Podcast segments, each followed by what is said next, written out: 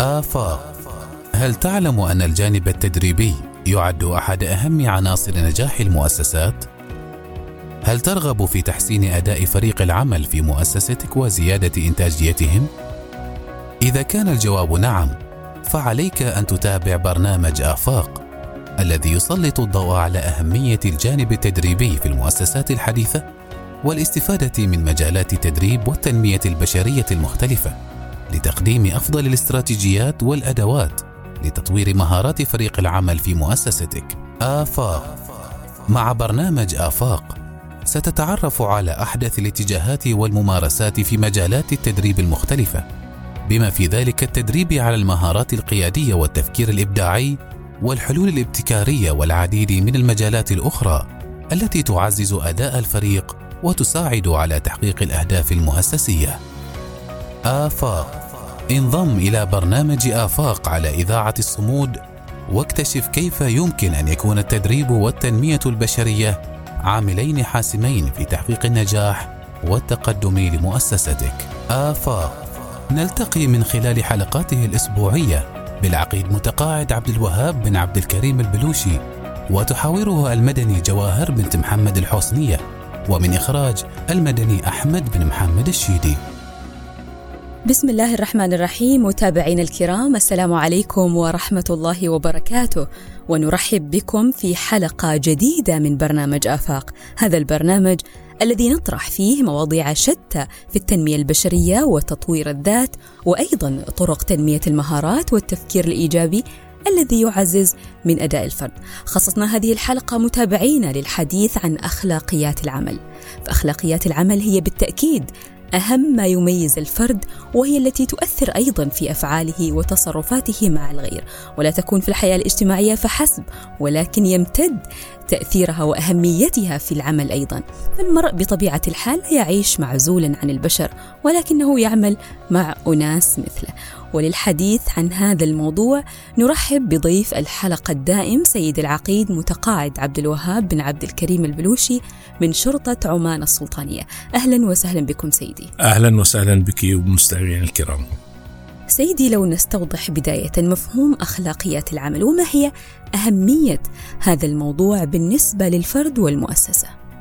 بسم الله الرحمن الرحيم. أخلاقيات العمل هو مفهوم واسع. باختصار هو عبارة عن مجموعة المواصفات والسلوكيات الأخلاقية التي تنطبق على جميع أنواع الأعمال التي نقوم بها في المنظمات دون استثناء يعني. أغلب هذه الأخلاقيات أو الأخلاق يتعلق بالصفات الشخصية للموظف. يعني نتوقع أن الموظف لما يقوم بعمله وضمن أخلاقيات العمل أن يكون أمين آه، مخلص لعمله صادق في عمله شفاف في عمله ويعرف هذه المبادئ المبادئ الأخلاقية الخاصة بالمهنة ويسعى باستمرار الالتزام بها وإظهارها أثناء أداء عمله. مثل ما تعرفين إن الأخلاق أصلا سمة جوهرية يعني في جميع المهن والوظائف ومختلف مجالات العمل. ومن خلال هذه الأخلاق المهنية وأخلاق العمل آه، يرجع الفضل لها في النجاح لأي موظف في الوظيفة أو في المهنة وكذلك هي ضمان لنجاح المنظمة المؤسسة التي تلتزم بوجود هذه الأخلاقيات وبالتالي يصير قيمة للمنظمة. فأخلاقيات الموظف اللي ذكرتها كالأمانة والمصداقية والإحترام والنزاهة هذه كلها تضيف قيمة كبيرة للمنظمة للمؤسسة وللموظف وفي نفس الوقت هي هذه الأخلاقيات تسهم في توفير بيئة عمل آمنة للموظفين.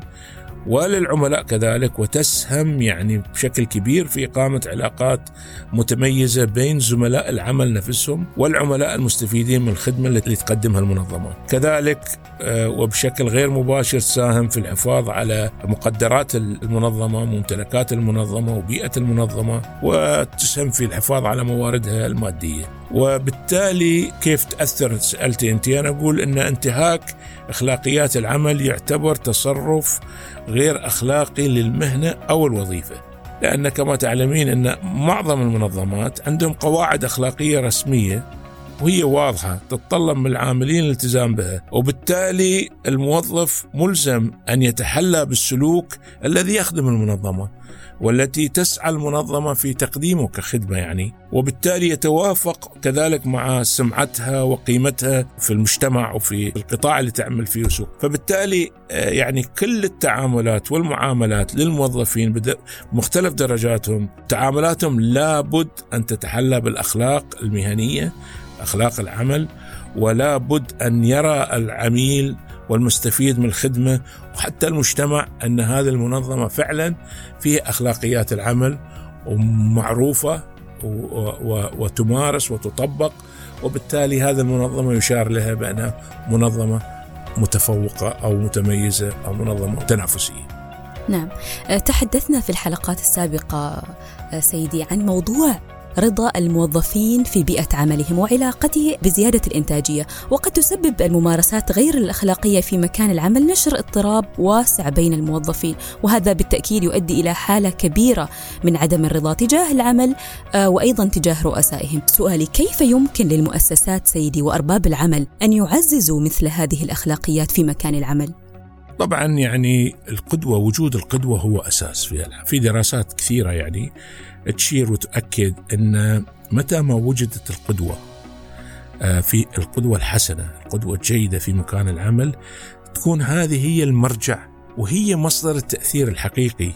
يعني في دراسة من الدراسات حول القيادة الأخلاقية نفسها كانت النتائج أن 75% كانوا يقولوا أن مستوى العالم الأخلاق المهنية والوظيفية كانت نتيجة وجود أمثلة يعني أي مدراء قادة مسؤولين هم المثال الذي يحتذون به من الناحية الأخلاقية. فبالتالي ضروري أن كافة المدراء لما نتكلم أرباب العمل يريدوا أن أخلاقيات العمل تكون موجودة. فإذا من الأساس المدراء والمسؤولين والقيادات لابد أن يفهموا بأن سلوكهم هو اللي يأثر بشكل كبير على المنظمة والموظفين والعملاء وغيرهم. وبالتالي يعرفوا أن الموظفين عادة هم ينظروا لهم كقدوة ويقلدونهم كذلك فيما يتعلق بقيام بأدوارهم. وبالتالي هناك كذلك طرق تسهم في تعزيز أخلاقيات العمل في المنظمة منها وجود سياسات.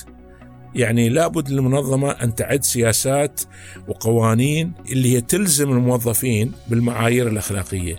وهذه السياسات كذلك تعكس قيم المنظمة وكذلك القيم الشخصية للعاملين فيها، لأن هذه السياسات نفسها هي اللي تكون المرجع للمدراء للموظفين عند اتخاذ أي قرار صعب وكذلك تساعدهم في تجنب إصدار الأحكام المتحيزة. كذلك لابد على المنظمة أن تعمل على تعزيز ثقافة التواصل في المنظمة وبين العاملين بمختلف درجاتهم بصدق وشفافية. لأن إذا أردنا نحن نشجع الموظفين على التواصل بشفافية وتقديم آرائهم وأفكارهم وأن نتحقق من وجود بيئة عمل فيها ثقافة التواصل التواصل هذه الثقافة بصدق وشفافية واحترام للمنظمة واحترام للعاملين اللي فيها فلا بد أن تعمل المنظمة على تعزيز هذه الثقافة وتعمل ضمان أنها موجودة وهي مغروسة بشكل صحيح. كذلك بإمكان المنظمة تعزيز ثقافة الشفافية لأن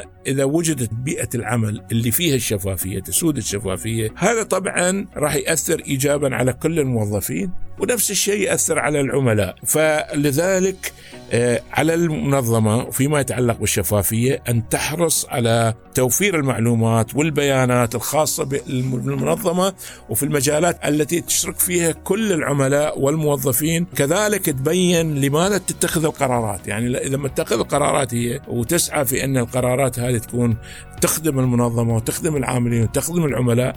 لابد أن تكون قراراتها واضحة وصادقة وكذلك تعاملها مع المدراء وتعامل المدراء مع الموظفين يكون على أساس الثقة والنزاهة. طبعا هذا كله يسهم في ولاء الموظفين وخلاصهم للمنظمة كنتيجة. كذلك من الأشياء التي لابد أن تقوم بها المنظمة إكساب ثقة الموظفين.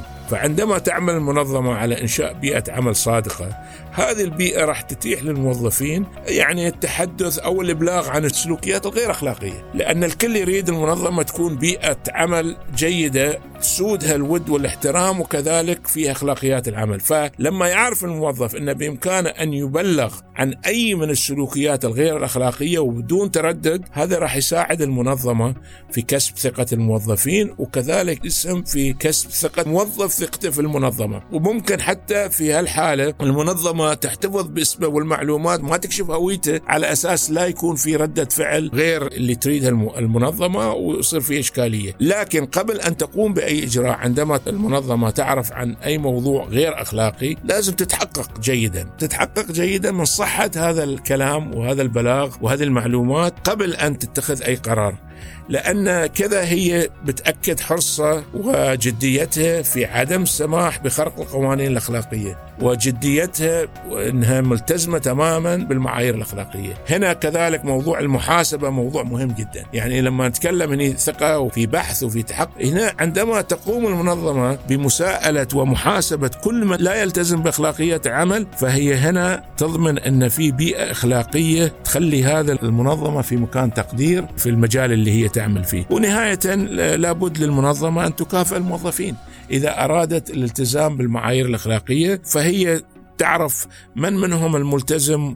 كذلك قوم بإعلام موظفيها بأن السلوك الأخلاقي المهني جزء مهم من ثقافة المنظمة فعندما هي تكافئ الموظفين الملتزمين بالمعايير الأخلاقية سواء بمنحهم مكافأة أو مدحهم أمام الآخرين أو أشياء غير نقدية يعني أحيانا يكون إجازة. وأحيانا يكون اشتراك مجاني في نادي رياضي. كل هذه الأشياء تشجع وتقول للموظفين إن أنا كمنظمة حريصة كل الحرص بالالتزام بالمعايير الأخلاقية. ننتقل الآن سيدي إلى فقرة مشاركة الجمهور ولكن بعد هذا الفاصل متابعينا ابقوا معنا. آفاق. مع برنامج آفاق ستتعرف على أحدث الاتجاهات والممارسات في مجالات التدريب المختلفة.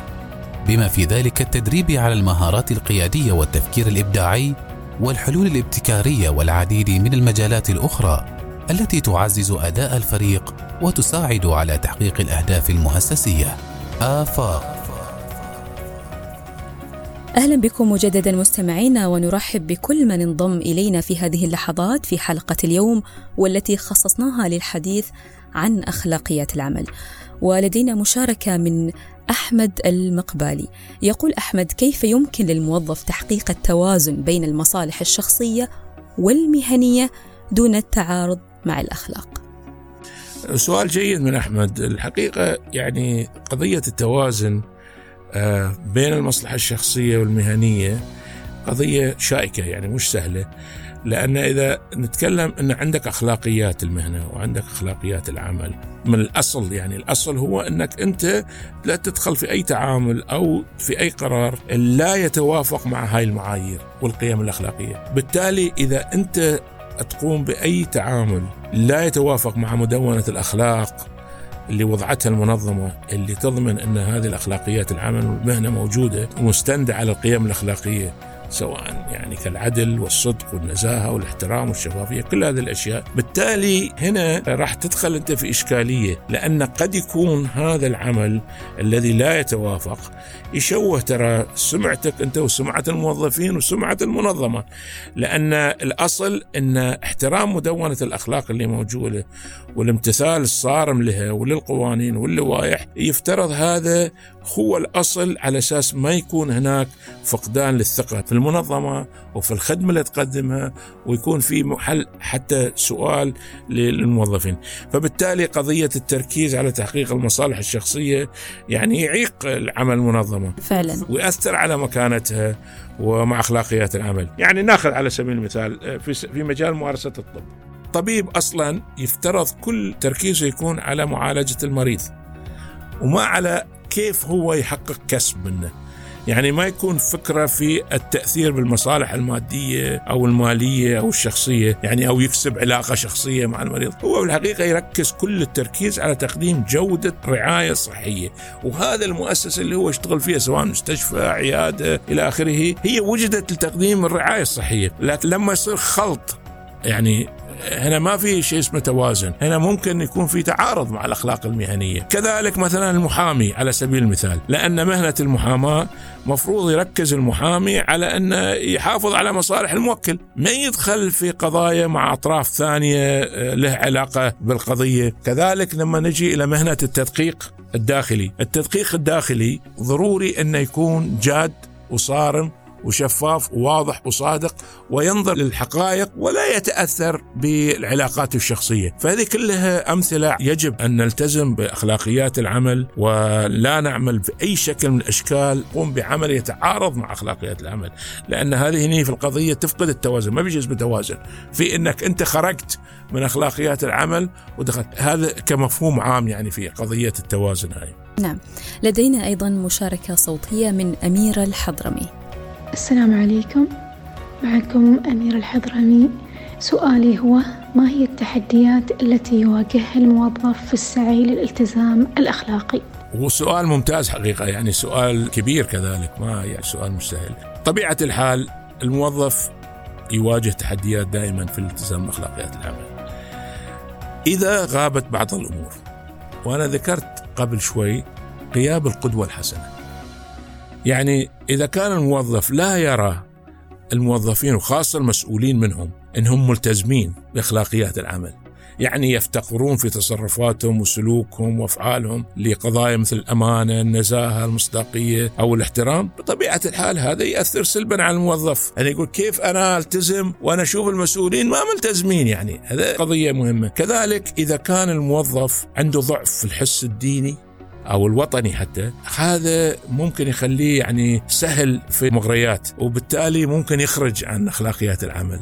إذا كان هذا الحس مش قوي عنده. كذلك في قضايا مثلا في فقدان روح التعاون والتفاهم بين الموظفين بينهم وبين المسؤول كذلك من جهة أخرى. في غياب هذا التعاون والتفاهم ممكن يكون في تحدي في الالتزام له. فوجود منظومة تعمل على تقييم الأداء ووجود إشراف ومتابعة ومساءلة. يعني هنا إحنا نتكلم إيش الإجراءات اللي يمكن اتخاذها للتصدي للخروج من الالتزام الأخلاقي. منظومة قيم الأداء. يوميا يعرفوا زيد من الناس إيش يعمل وكيف يعمل ومستوى أداءه وإنتاجه وإلى آخره. وفي إشراف في متابعة وفي مساءلة. أهم شيء المساءلة. هنا المساءلة راح تضمن أن الموظف يعرف أن في ثواب وفي عقاب.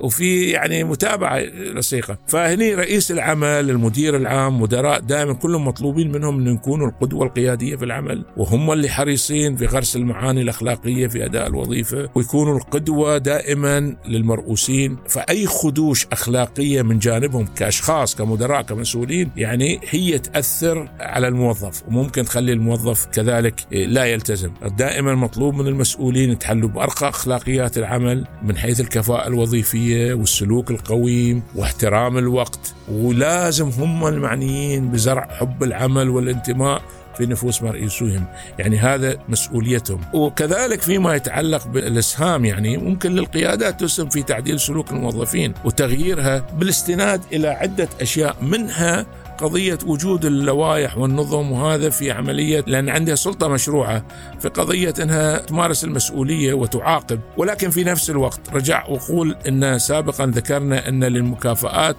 دور كبير. في تعزيز روح الالتزام بأخلاقيات العمل وضمان انه فلما هو يتم تحفيز الموظف الملتزم بأخلاقيات العمل سواء ماديا أو معنويا هذا راح يخلي الروح المعنوية عند بقية الموظفين عالية فيما يتعلق بمعرفة إن الالتزاميات بأخلاق العمل والمهنة يعني سلوك أو نمط من السلوك الإيجابي في المنظمة. وبالتالي هم يكونون حريص أكثر من غيرهم في ضمان إن العمل يكون وفق مدونة الأخلاق واخلاقيات العمل كل الشكر لكل من شاركنا في حلقة اليوم ونرحب دائما ونسعد بمشاركاتكم واستفساراتكم. متابعينا على رقم البرنامج 27 770 770 سيدي قبل أن نختم حلقة اليوم نصيحة أخيرة تقدمها لتعزيز وتطوير أخلاقيات العمل. يعني نعم نحن كموظفين عادة نتكلم عن كل موظف. قضي جزء كبير من حياتنا يوميا وإحنا رايحين لمكان العمل.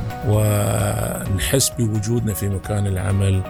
وبالتالي امتلاكنا لأخلاقيات العمل يعطينا قيمة أخرى إضافية ويعطي المنظمة التي ننتمي إليها ونعمل بها كذلك هذا الإحساس. بالتالي وهذا كذلك الدراسات تؤكد هذا الكلام إن الالتزام بأخلاقيات العمل هو طريق مؤكد للنجاح المهني. يعني كل شخص يلتزم بأخلاقيات العمل تاكدي تماما إنه هو ضمن إنه هو في الطريق الصحيح للتطور المهني والنجاح المهني، وهذا أخلاقيات العمل دائما يعتبر عنصر رئيسي لمقومات النجاح في أي مهنة كانت، لأن نحن نعرف من خلال سلوكنا، الناس تعرفك من سلوكنا وأنا أرجع مرة ثانية وأقول يعني القدوة الحسنة من لنا الرسول عليه الصلاة والسلام آه، كان يعرف بالصادق الأمين قبل نزول الوحي عليه، فنحن ما عندنا أحسن من هذه القدوة الحسنة يعني، فلنا في, في الرسول عليه الصلاة والسلام القدوة الحسنة ونعرف أن الإنسان يعرف من خلال عمله من خلال سلوكه. فأخلاقيات العمل دائما مهمة جدا في حياتنا الوظيفية المهنية ولا بد نفهمها وندركها ونكون خير من يقدم هذه الخدمة للآخرين لأنه هو ينظر له من خلال سلوكه وتعامله. نعم ويبقى الأثر الطيب مثل ما ذكرنا صحيح. قبل الحلقة. فعلا. صحيح صحيح. فعلا. سيد العقيد متقاعد عبد الوهاب بن عبد الكريم البلوشي من شرطة عمان السلطانية. شكرا لك لإثرائنا اليوم بهذه المعلومات القيمة لموضوع حلقة اليوم والتي خصصناه للحديث عن أخلاقيات العمل. شكرا لكم أحسنتي. مستمعينا الكرام ها نحن قد وصلنا إلى نهاية حلقة اليوم نذكركم أنه يمكنكم المشاركة في الحلقة القادمة والذي سوف نتطرق فيه لموضوع مهارة القدرة على التكيف وكتابة أو تسجيل أسئلتكم واستفساراتكم كما نرحب أيضا بمقترحاتكم لمواضيع تستحوذ اهتمامكم وتتعلق بالتنمية البشرية وتطوير الذات وذلك عن طريق رسائل الواتساب على رقم البرنامج 27770 770 أو من خلال التعليق على حساباتنا على موقعي إكس والإنستغرام. يمكنكم أيضا الاستماع إلى حلقات برنامج آفاق عبر تطبيق البودكاست وال SoundCloud موعدنا معكم يتجدد الخميس المقبل بإذن الله تعالى عبر أثير إذاعة الصمود لقوات السلطان المسلحة. هذه تحياتي جواهر بنت محمد الحسنية وتحيات مخرج البرنامج مدني أحمد الشيدي دمتم بحفظ الله ورعايته آفاق هل تعلم أن الجانب التدريبي يعد أحد أهم عناصر نجاح المؤسسات؟ هل ترغب في تحسين أداء فريق العمل في مؤسستك وزيادة إنتاجيتهم؟ إذا كان الجواب نعم، فعليك أن تتابع برنامج آفاق الذي يسلط الضوء على أهمية الجانب التدريبي في المؤسسات الحديثة والاستفادة من مجالات التدريب والتنمية البشرية المختلفة لتقديم أفضل الاستراتيجيات والأدوات لتطوير مهارات فريق العمل في مؤسستك. آفاق.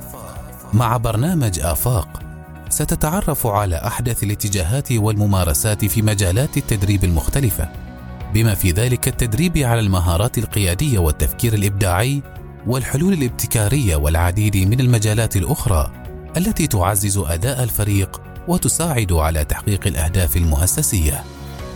آفاق انضم إلى برنامج آفاق على إذاعة الصمود واكتشف كيف يمكن أن يكون التدريب والتنمية البشرية عاملين حاسمين في تحقيق النجاح والتقدم لمؤسستك.